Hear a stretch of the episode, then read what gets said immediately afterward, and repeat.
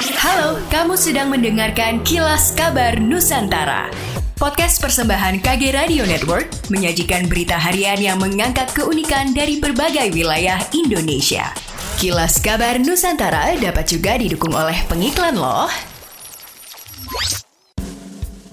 Mama dan Papa suka bingung cari hiburan yang edukatif untuk anak dan cara menjaga hubungan dengan si kecil agar semakin erat? Yuk dengerin podcast Dongeng Pilihan Orang Tua persembahan Medio by KG Media di Spotify. Tiga gubernur di Sulawesi tegas menolak perpanjangan izin usaha pertambangan IUP PT Vale Indonesia yang sudah direklamasi perusahaan di Blok Sorowako Luwu Timur. Tiga gubernur tersebut, Gubernur Sulawesi Selatan Andi Sudirman Sulaiman, Gubernur Sulawesi Tenggara Ali Mazi, dan Gubernur Sulawesi Tengah Rusdi Mastura. Penolakan itu ditegaskan ketiga pimpinan daerah tersebut dalam rapat dengar pendapat RTP bersama Sekjen dan PLH Dirjen Minerba Kementerian ESDM RI di ruang rapat Komisi 7 DPR RI Jakarta.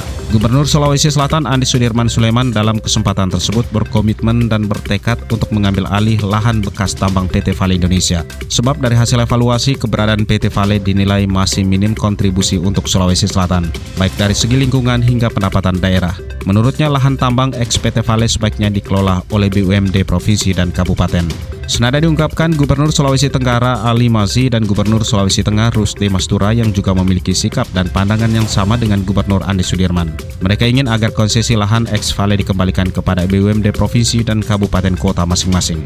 Sementara pihak PT Vale hingga kini belum mengeluarkan pernyataan resmi menanggapi hal tersebut.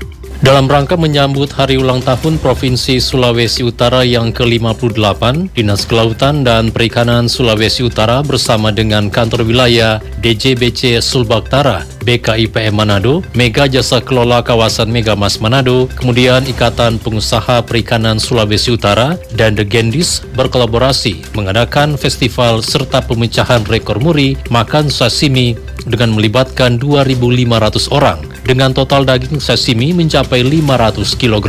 Kegiatan ini mendapatkan dukungan langsung dari Andre Ango, Wali Kota Manado. Andre Ango menyebut pemerintah Kota Manado menyambut baik kegiatan ini dan berharap festival tuna yang direncanakan dimulai pada 12 September nanti dapat mendorong kunjungan wisatawan ke Manado dan menjadi kampanye makan tuna yang dapat berpotensi menjadi perputaran ekonomi di Ada, Sulawesi Utara. Ide untuk mengadakan festival tuna di Manado tidak lahir begitu saja, dijelaskan oleh Erwin Situmorang, Kepala Kanwil DJBC Sulbaktara, berlatar belakang digelarnya festival tuna dikarenakan melihat potensi kekayaan laut di Sulawesi Utara yang begitu melimpah terutama berkaitan dengan ikan tuna. Festival tuna tersebut nantinya juga akan melibatkan 12 perusahaan eksportir ikan tuna yang ada di Sulut, serta pelaku UMKM yang memiliki produk hasil olahan ikan tuna. Festival tersebut dikatakan Erwin merupakan pesta rakyat sehingga dia berharap masyarakat Sulut dapat bersama mendukung dan memeriahkan kegiatan tersebut.